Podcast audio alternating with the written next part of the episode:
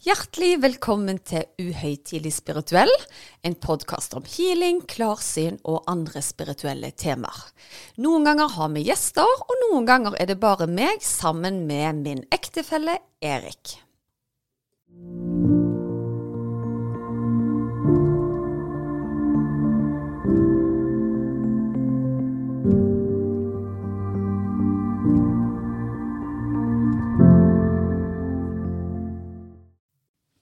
Ja, Susanne, da var vi i gang igjen.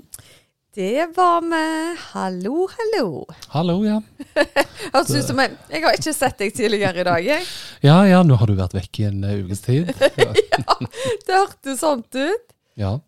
Nei, det er jo sånn i media at det som du ikke har fortalt, det har jo strengt tatt ikke skjedd. Nei, det har jo ikke det. Nei. Så for alt dere vet, så kan det være torsdag i dag, og ikke fredag. You Ja. never know. Pleier ikke dette sendes på søndag? Jo, det er sant, men vi pleier ofte å si at vi gjør, gjør det etter fredagstacoen, gjør vi ikke det?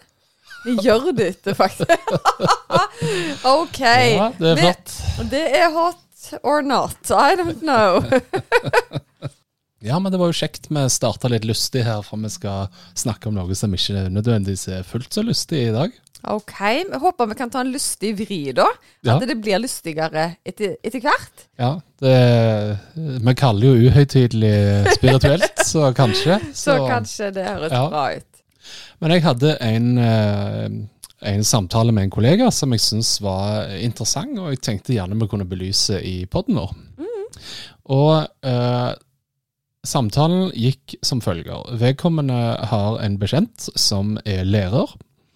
Og læreren da sier at det er mye mer psykiske helseproblemer eh, blant ungdom i dag enn det har vært før. Mm. Eh, og Det fikk meg til å tenke litt, for hva er det som gjør at dette er en økende trend? Ikke nødvendigvis isolert bare i skolen, men i samfunnet for øvrig. Ja, vil du at jeg skal svare på det? Ja, altså, Det er jo mange teorier. Nå er jo ikke vi fagfolk på eh, emne, men eh, i hvert fall så kan vi jo ha en diskusjon rundt det, og så får folk ta med seg det det er. Og så tenkte jeg vi gjerne kunne pense inn på spiritualitet inni dette her, da. Helt klart. For det som jeg syns er litt interessant, det I hvert fall når jeg hørte dette her, så tenkte jeg OK. Eh, det som slår meg litt, det er jo at hjernen er litt sånn som finansmarkedene. Nå er jo jeg økonom, så jeg relaterer det jo litt dertil, da. Ja. Men hvis du tenker, da. Det er to personer. Det er én eh, person som, eh, la oss si, bor i Ukraina. Og det er en annen person som bor i Norge. De behovene vedkommende har, er vidt forskjellige. Den personen som er i Ukraina, den sliter gjerne med å få dekka sine fundamentale behov i det å være trygg, få mat, vann, medisiner osv. Så, det er en evig kamp med å få dekka de behovene for faktisk bare å eksistere. Mens den personen som bor i Norge, den har denne tryggheten i bunnen. Og hvis ikke vedkommende får det til, så er det et støttesystem som skal være der for å hjelpe vedkommende. Ja. Um, og det som gjerne skjer i sånne settinger, da, det er at uh, du begynner å kjenne etter på kroppen hva andre vondter du gjerne måtte ha, enten det er fysisk eller psykisk. Og når jeg nevnte finansmarkedet, så er finansmarkedene litt like. For det at når det er usikkerhet og sånne ting, så søker du gjerne etter trygge investeringer som er konkrete. Altså gull, sølv, olje. Sånne basale ting som er lett omsettelige. Men eh, hvis vi tenker før Ukraina-tiden og, og litt sånne ting, så var finansmarkedet ganske, la oss eh, bruke ordet modent, da. At det var mye kapital. Og plutselig begynner pengene å vri seg inn mot ting som ikke nødvendigvis er så konkrete. Eh, Bitcoin, Uh, NFT-er, for de som vet om det. Altså så fungerer finansmarkedet veldig gjerne sånn som hjernen, da. At, eh, at de fundamentale behovene er, eh, eh, er fulgt. Så vi søker på en måte etter abstrakte ting, da. Og det var der vi kom inn med disse her. Hvorfor er det da mer og mer uh, utfordringer i psykiatrien blant både unge og andre ellers i samfunnet? Så kom vi over en, uh, en artikkel over en som hadde forska på emnet. Og det var jo litt interessant at uh, de ser da på dette her med spiritualitet og depresjon. Uh, denne forskeren heter Lisa Miller, og hun har forfatta boken uh, The Oxford Handbook of Psychology and Spirituality. Og det som slo meg, som jeg fikk en liten sånn eye-opener over da, det er jo at jeg har alltid tenkt på skalaen som du har depresjon, og du har glede. Det var liksom de to motstående mm. eh, sidene, da. Og det forstår jeg, ja. Ja.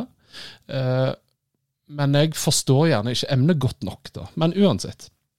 Det som jeg syns var interessant i denne studien her, det er at de sier at spiritualitet er den andre siden av skalaen fra depresjon. For det er jo troen på noe større der ute som, som vil deg vel, da. Og jeg har jo vært en eh, forkjemper, om du vil, for å skape mer spiritualitet hos folk, nettopp for å romme det tomrommet noen gjerne føler i seg sjøl, da.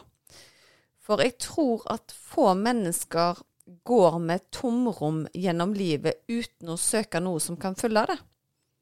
Og Ja. du kan selvfølgelig ta enkle utveier, at du kan skaffe deg dop, eller du er usunn i forhold til seksuelle behov, eller du eh, overarbeider i forhold til jobb. Du kan alltid på en måte bedøve det litt, men det tar jo ikke vekk tomrommet, på en måte. Eh, og spiritualitet i den konteksten der kan virkelig gi påfyll på et dypere nivå, og gjøre deg i mer harmoni, da, sånn at det er mer flytende. At du ikke gjerne har det tomrommet på, på samme måte. For jeg vil si spiritualitet er noe som ikke går i sykluser på samme måte som om Sier du at du har et tomrom i deg, og du drikker deg full. Neste dag så er du bakfull etter det, og du har de samme tomrommet som du hadde i går, gjerne enda mer til. Men hvis du følger det med spiritualitet, troen på at det er noe større der ute, så vil det være mye, mye mer flytende, da. Så det er ikke sånn at åh, jeg var spirituell i går at jeg er helt uh, dårlig. Jeg har sånn hangover etter den der bestemora mi som kom inn og hilste på, eller den engelen som viser seg. Nei, jeg, jeg tror ikke det. Jeg sjøl har jo hatt veldig mange heis i livet med sterke spirituelle opplevelser. Men det betyr ikke at jeg er mindre spirituell i de ukene det ikke skjer noe stort, da. Det er heller en forundring, en um, nysgjerrighet, en åpenhet for at eh, hva tid skal jeg oppleve noe nytt spennende. Og så er jo veien livet. Så livet går jo i baner uansett. Ja. Og det som jeg syns er litt interessant, for vi kom over en annen artikkel eh, hvor det var en som hadde fått eh, brystkreft, eh, og eh, brukte på en måte den uh, mørke beskjeden, da, eller mørke opplevelsen, eller traume om du vil, på å på en måte finne seg sjøl uh, og, og bli sin beste utgave, da. Eh, og da slo det oss litt grann, hvorfor er det sånn at mange liksom, det er i krise eller traume folk sier nei, nå skal jeg gjøre endringen. Det er fordi du blir tvungen til å ta et standpunkt med hvor du står i deg sjøl. Eh, vi er ikke så flinke i hverdagen til å være her og nå. Vi er enten i fortida eller i framtida. Vi tenker mye på ting som var før, som har påvirket oss til den vi er i dag. Det kan være på både godt og vondt, men litt sånn og den barndommen jeg hadde, den var ikke så bra, derfor så er verken jeg bra nå eller framtida mi bra. Vi, vi, vi lar oss forme av de opplevelsene en hadde. Og så er det mange av oss som er sånn at hvis jeg bare, da skal jeg bli lykkelig. Hvis jeg bare går ned ti kilo, eller hvis jeg bare får drømmejobben, eller hvis jeg bare finner drømmepartneren fram i tid der, da skal jeg være i harmoni med meg sjøl. Men det en glemmer, er at det er en utvikling som en må ta tak i og dele med en sjøl, da. Det vil ikke skje magi over natta. At eh, du våkner opp, og så er alt løst. Du må ta grunnstegene sammen med deg sjøl, på sjelnivå. Men sånn som jeg tolker deg litt, da, hvis du går tilbake igjen til bakruseksempelet mm. si da at du øh, bruker spiritualitet øh, til å bygge deg opp litt eh, goodwill på kontoen. da. Så du, istedenfor at du får en bakrus, altså at la oss kalle det at uh, depresjonen inntar og du Mm. kommer ned i en bølgedal, så bygger du på en måte et lite fjell, du. Sånn at du er ovenpå situasjonen. Og så tar du den med deg. Og så, og så har du behov for å være litt spirituell igjen. Er du med? Vet du hva, der har du skjønt det, og jeg prøvde etter beste evne å forklare det, og det er derfor det er så fantastisk å ha deg med på denne podkasten, fordi du kjenner meg veldig godt. Og av og til så forstår du hva jeg mener uten at jeg egentlig sier det, for jeg syns jeg formidler det ganske klønete. Så takk for at du forsto hva jeg mente. Vi er så Det var så irriterende for folk å høre på. Men, men i hvert fall, Erik, så har du helt rett. Fordi når jeg gjennomgår tøffe ting i livet mitt, så går jeg inn i meg sjøl og tenker på den kontoen som du faktisk refererer til. Alle de gangene hvor jeg har følt at jeg trenger hjelp fra noe større enn meg sjøl, så har det kommet. Gjerne ikke det formatet jeg forventer der og da, og gjerne ikke akkurat når jeg forventer det. Men jeg har som regel kommet meg helskinna gjennom det meste. Nå er det ikke sånn at jeg har gått gjennom livet uten sorg, uten motgang i det hele tatt. Og dere som har fulgt oss en stund, vet at det er absolutt ikke tilfellet. Men det er jo de periodene i livet hvor du blir virkelig tvungen til det dypdykket i deg sjøl, at utviklingen skjer. Og det da er så utrolig god trøst å vite at det er krefter der ute som vil deg vel, hvis du ønsker å ha de med, da. Som veiledere. mm. Og så er vi tilbake igjen litt på depresjonseksempelet igjen, da. Mm. Så hvordan kan f.eks. healing eller spiritualitet hjelpe for, øh, for depresjon, da?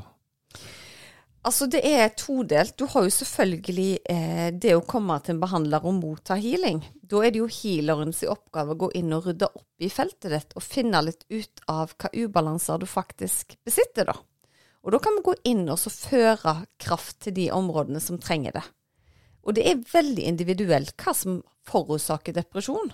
Det kan være traumatiske hendelser. Det kan være bare en følelse av at jeg ikke hører hjemme på denne jorda. Det kan være at vi kjeder oss i livet, rett og slett. Det kan være veldig mange aspekter med det. Og da er det egentlig å finne de banene som gjør at du får det løftet du trenger, da. Eh, men det er òg ting en kan gjøre sjøl. Det er egentlig å stoppe opp og kjenne etter hva er det egentlig som definerer meg i dag? Hva er det som gjør at jeg er i denne situasjonen? Og begynne å prøve å sortere ut og starte med takknemlighet. I de mørkeste hullene er det som regel alltid noe å være takknemlig for. Når økonomien går til helsike, du er sjuk, eh, du har gjerne mista både nære og kjære, så kan det likevel være OK, jeg er takknemlig for at jeg har frisk luft, jeg bor i Norge. Eh, det kan være at jeg har en slektning som er glad i meg, og som ønsker å ta vare på meg uansett hva som, som skjer. Og hvis vi begynner da å følge den takknemlighetskontoen, så er det et eller annet som skjer i vibrasjonene og frekvensene rundt oss som gjør at en vil tiltrekke seg mer av det gode, og vi vil automatisk fokusere mer på det positive. Det er så banalt som akkurat det, altså. Ja, Så da vil du si at du ville bruke spiritualitet til å fylle på den kontoen der? Ja, interessant. Um, nå har jo du hatt veldig mye én-til-én-healinger, så du har liksom sett den umiddelbare uh, effekten gjerne hos, uh, hos folk, ikke bare folk som eh, har slitt psykisk, men andre plager òg. Mm. Og så begynte du jo at folk kunne hente ned eh, disse her uh, Guida healingene. stemmer Ja. med forskjellige temaer. Eh, Hva tilbakemeldinger har du fått der? Altså, tilbakemeldingene der har jo vært helt utrolige.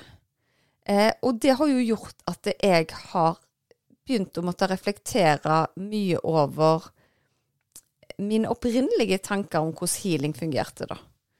Fordi jeg oppriktig trodde at det var mye sterkere å være én-til-én jo mer jeg konsentrerte meg om ditt felt og dine problemområder, så ville på en måte krafta jobbe gjennom meg, og vi ville på en måte ha en dynamikk. Eh, så det var egentlig selvfølgelig positivt, men òg undrende når vi hadde de eh, den livesendingen den gangen på Lila Live Podcast, og så hadde meg og deg en, et sånt eksperiment på, eh, på podkasten hvor vi gjorde den eh, guida healingen.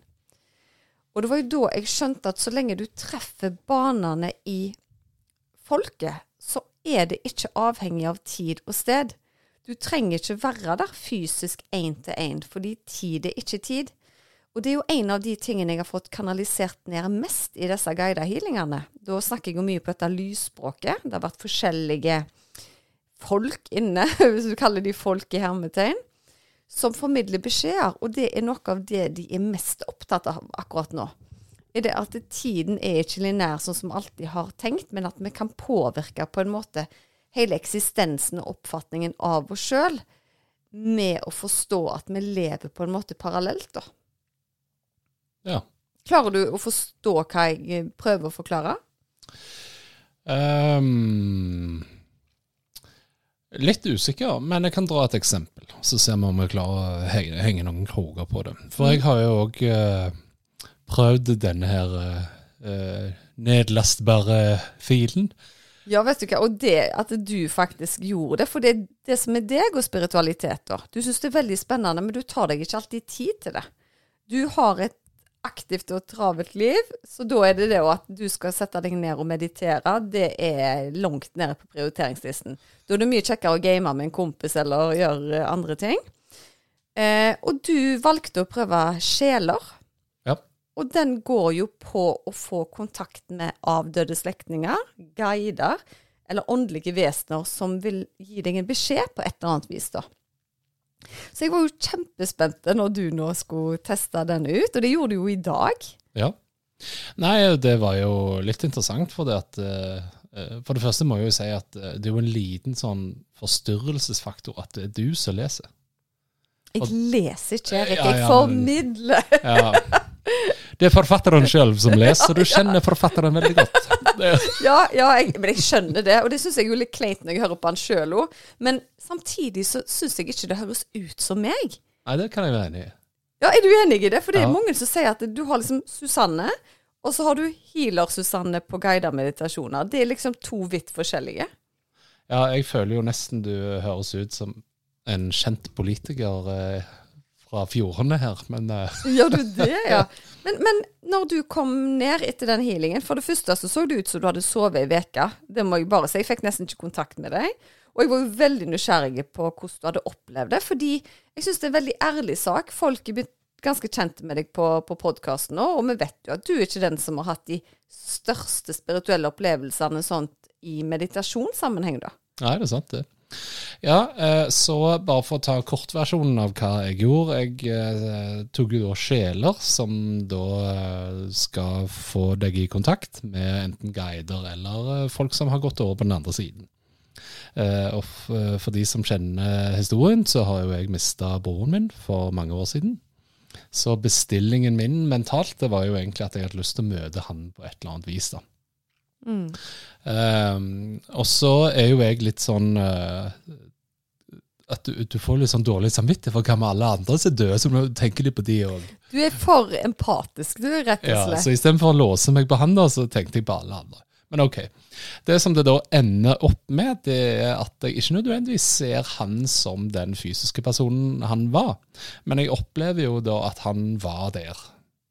Mm. Um, og jeg husker at uh, jeg sa til meg sjøl at hvis jeg hadde sett han igjen, så hadde jeg gjerne tenkt meg at jeg ville gitt han en god klem. Mm. Uh, så det gjorde jeg da i denne meditasjonen. Jeg ga han en god klem. Uh, og så dreide bildet seg litt vekk fra han og over på vår sønn, hvor det endte med at jeg ga han samme klemmen. Og det syns jo jeg er kjempeinteressant, fordi det første du sa til meg når jeg spurte deg at ja, møtte du noen?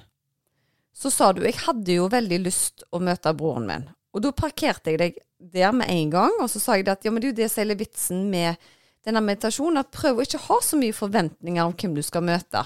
La det være en litt sånn spenningsfaktor i det. Men jeg forstår jo at du hadde et stort ønske om å, om å treffe han. Men så måtte jeg jo da begynne å spørre deg litt om hvordan du faktisk opplevde det under selve guida healingen, da. Eller den meditasjonen. Og da sa du jo at du var i en verden som var nesten mellom søvn og virkelighet, på en måte? Ja, altså, jeg var vågen. Og jeg følte jeg var i en enormt dyp søvn. Uten at jeg sov. Mm. Ehm, og det er jo litt sånn så når du begynte å prate når jeg kom ned òg, så var jeg jo jeg var fullstendig i togeheimen. Liksom. Ja, du, du var det, og du hadde jo gått frivillig ned sjøl.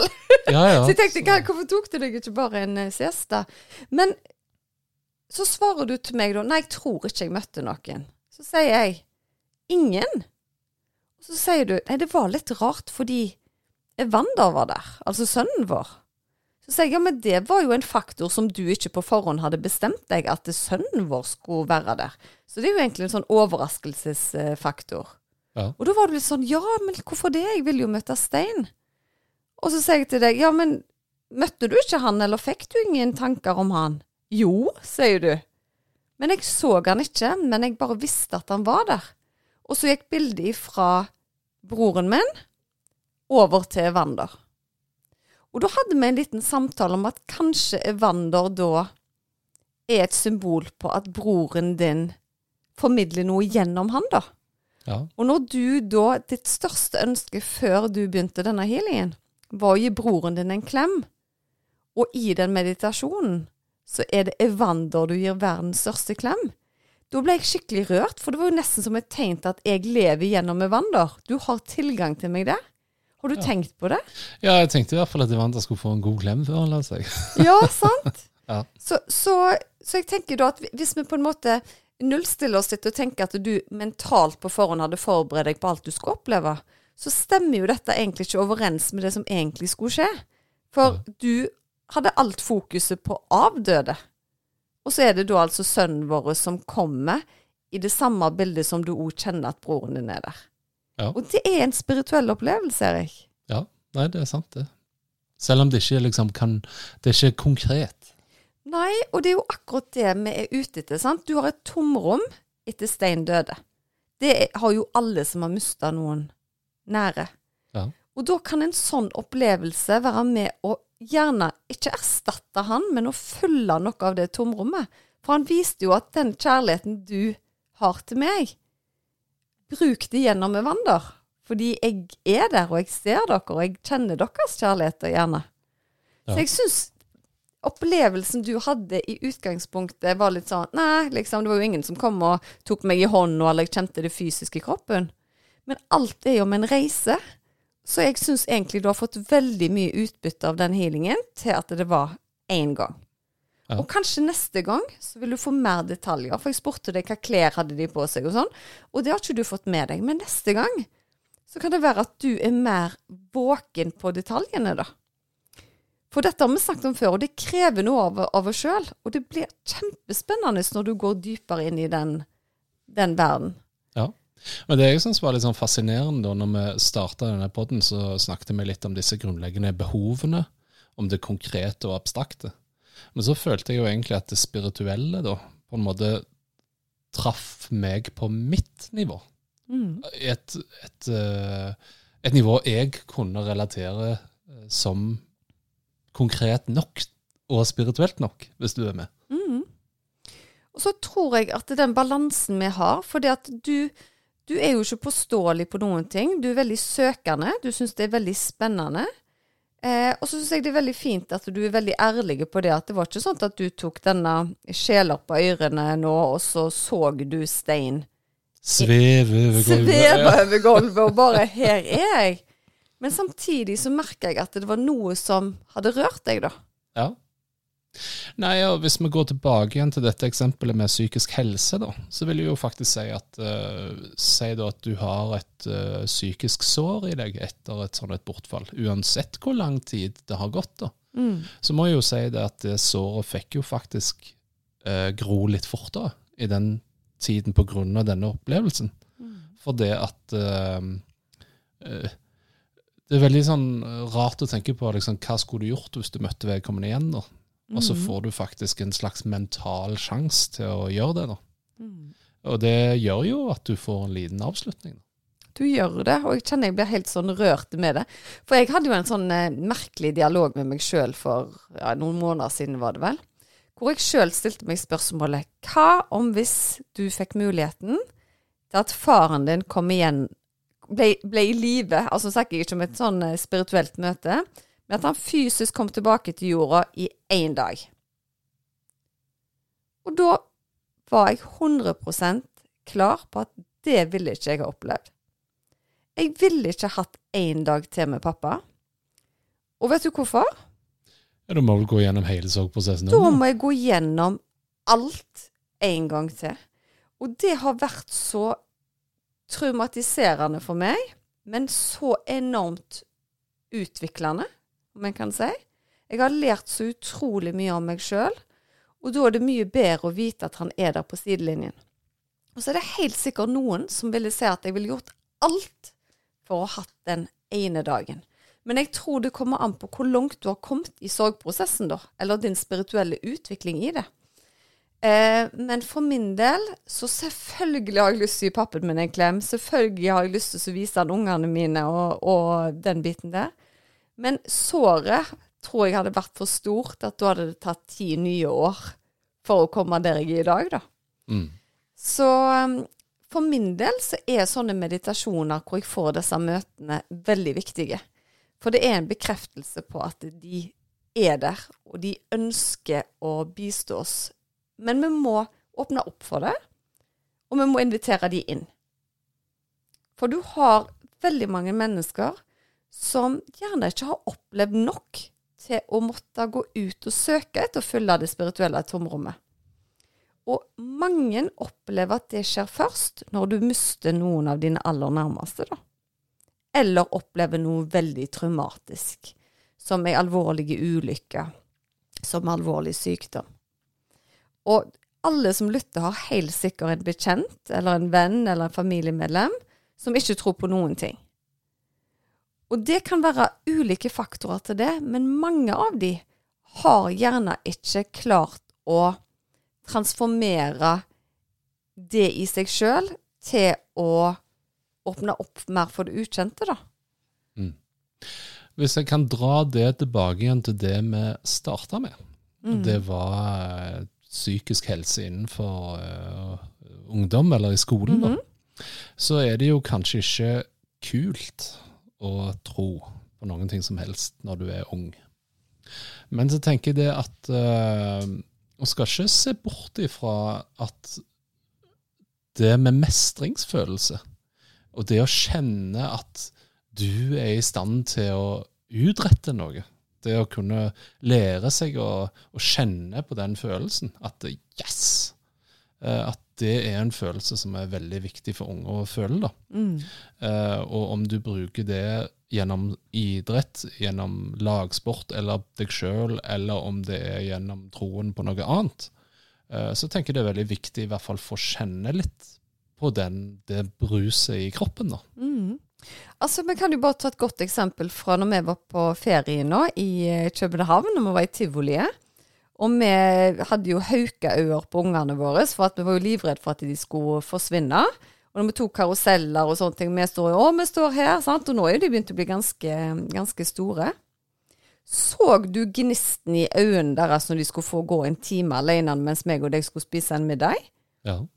Altså, de lyste opp. De hadde et samarbeid altså Nå pleier de å være veldig gode venner, det, altså, men du så bare at de tok en helt annen ansvarsrolle. Nå skulle minsten høre på størsten, og de hadde mål og mening, og de hadde med seg penger, og de kjøpte en sånn poncho for det begynte å regne, og de Du så bare det at de fikk seg et løft, og bare med at vi hadde tillit til at de klarte å passe på seg sjøl den, den timen. Ja. Så det er ikke alltid de store tingene, men de små. Ja og kanskje summen av de små. Absolutt. Ja. Ok, uh, i dag har vi toucha inn på uh, psykisk helse litt. Grann. Uh, det som gjerne er viktig å poengtere i den settingen, det er at vi er verken fagfolk eller doktor. Altså, og I utgangspunktet var dette en diskusjon rundt emnet. Ikke skulle for all del ikke ha noen sånn helbredende formaninger her. Det skal vi ikke. Vi var veldig politisk korrekte her nå. Ja. Men, men, men, det viktigste for oss er jo egentlig det å bistå at spiritualitet kan hjelpe når du føler at ting kommer til kort. da. for å få en større mening. Ja, og så tenker jeg òg at det gjerne er en liten gevinst i å tenke på hverdagsspiritualitet. Og ikke minst, hva er spiritualitet for deg? Mm. Og det er jo veldig ulikt fra person til person, og det har vi vært inne på mange ganger eh, tidligere. Mm. Men uh, i hvert fall det vi ønsker for deg, det er at du kan få hverdagsmestringen opp og kjenne blodet bruse, enten det er det ene eller det andre som utløser det. Veldig viktig. Ok, med det så tenker jeg vi takker for i dag. Tusen takk for at du hørte på. Tusen takk. Håper vi høres snart. Yes. Ha det, ha det.